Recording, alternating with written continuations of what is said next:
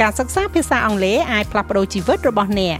អ្នកអាចបង្កើនចំណេះដឹងភាសាអង់គ្លេសរបស់អ្នកនិងសិក្សាអំពីវប្បធម៌អូស្ត្រាលីក្នុងពេលតែមួយជាមួយនឹង SBS Learn English ស្ដាប់បានគ្រប់ទីកន្លែងតាម podcast របស់អ្នកលោកអ្នកនៅជាមួយ SBS ខ្មែរបន្ទាប់ពីសម្ដេចបដិសេធមិនព្រមចុះបញ្ជីឲ្យគណៈបកភ្លើងទៀនចូលរួមប្រកួតប្រជែងការបោះឆ្នោតជ្រើសតាំងតំណាងរាស្ត្រនីតិកាលទី7នៅខែកក្កដាឆ្នាំ2023នេះ កោជបបានបញ្ជាក់ជាថ្មីថាខ្លួនអនុវត្តតាមតែច្បាប់ប៉ុណ្ណោះដោយមិនមានអនុវត្តស្តង់ដារ2ចំពោះគណៈបកនយោបាយនៅកម្ពុជាឡើយលោកដឹមសវណ្ណរមសមាជិកកោជបនិងជាប្រធានអង្គភិបប្រតិកម្មរហ័សរបស់កោជបបានបញ្ជាក់ថាកោជបអនុវត្តតែទៅតាមច្បាប់ដោយគ្មានស្តង់ដារ2ឡើយចំពោះគណៈបកភ្លើងទៀនលោកនឹមសវណ្ណរមក្នុងនាមកោជបយើងធ្វើកិច្ចការដោយអនុលោមទៅតាមច្បាប់ច្បាប់តម្រូវយើងធ្វើម៉េចយើងធ្វើអញ្ចឹង ចំណុចទី1បានកំណត់ថាគណៈបកនយោបាយត្រូវភ្ជាប់សេចក្តីចម្លងលិខិតបញ្ជាក់ការចុះបញ្ជីគណៈបកនយោបាយនៅក្រសួងមហាផ្ទៃដែលមានបញ្ជាក់និស្ចានគោលភាពដោយអាជ្ញាធរក្រុងស្រុកខណ្ឌតាំងពីឆ្នាំ2018អត់មានអីថ្មីដែលត្រូវអនុវត្តនៅឆ្នាំ2023នេះទេ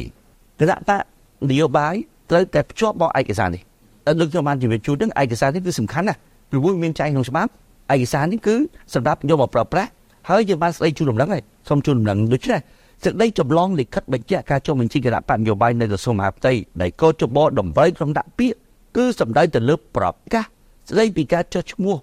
ក្នុងបញ្ជីគណៈបញ្ញោបាយនៅក្រសួងមហាផ្ទៃដែលមានបញ្ជាក់និស្ចាននគរកម្មមិនមែនគ្រាន់តែថតចម្លងកូពីជាការសាច់នោះទេការបញ្ជាក់របស់តំណាងកោជបខាងលើយ៉ាងដូចនេះគឺបានធ្វើឡើងក្រោយពីកោជបដែលជាស្ថាប័នរៀបចំការបោះឆ្នោតនៅក្នុងប្រទេសកម្ពុជា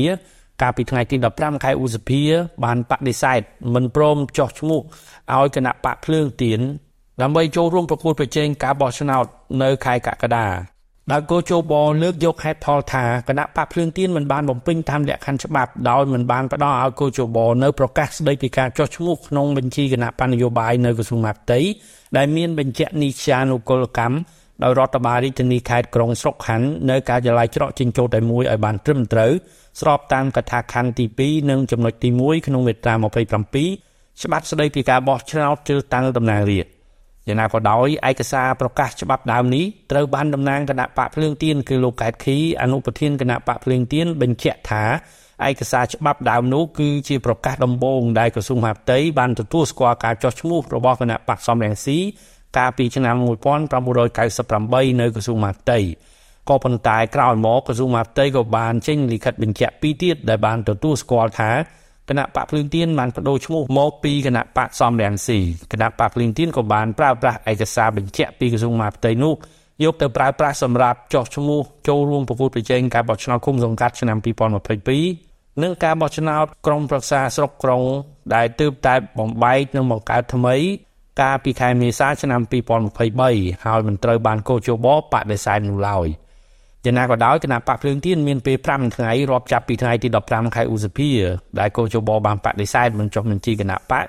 ដើម្បីប្តឹងតវ៉ាទៅកាន់ក្រមប្រឹក្សាធម្មនុញ្ញដែលជាស្ថាប័នចុងក្រោយក្នុងការដោះស្រាយបណ្ដឹងបោះឆ្នោតនៅកម្ពុជាពលគឺនៅថ្ងៃទី20ខែឧសភានេះគឺជាថ្ងៃចុងក្រោយដែលគណៈបកភ្លើងទៀនត្រូវដាក់ពាក្យប្តឹងតវ៉ា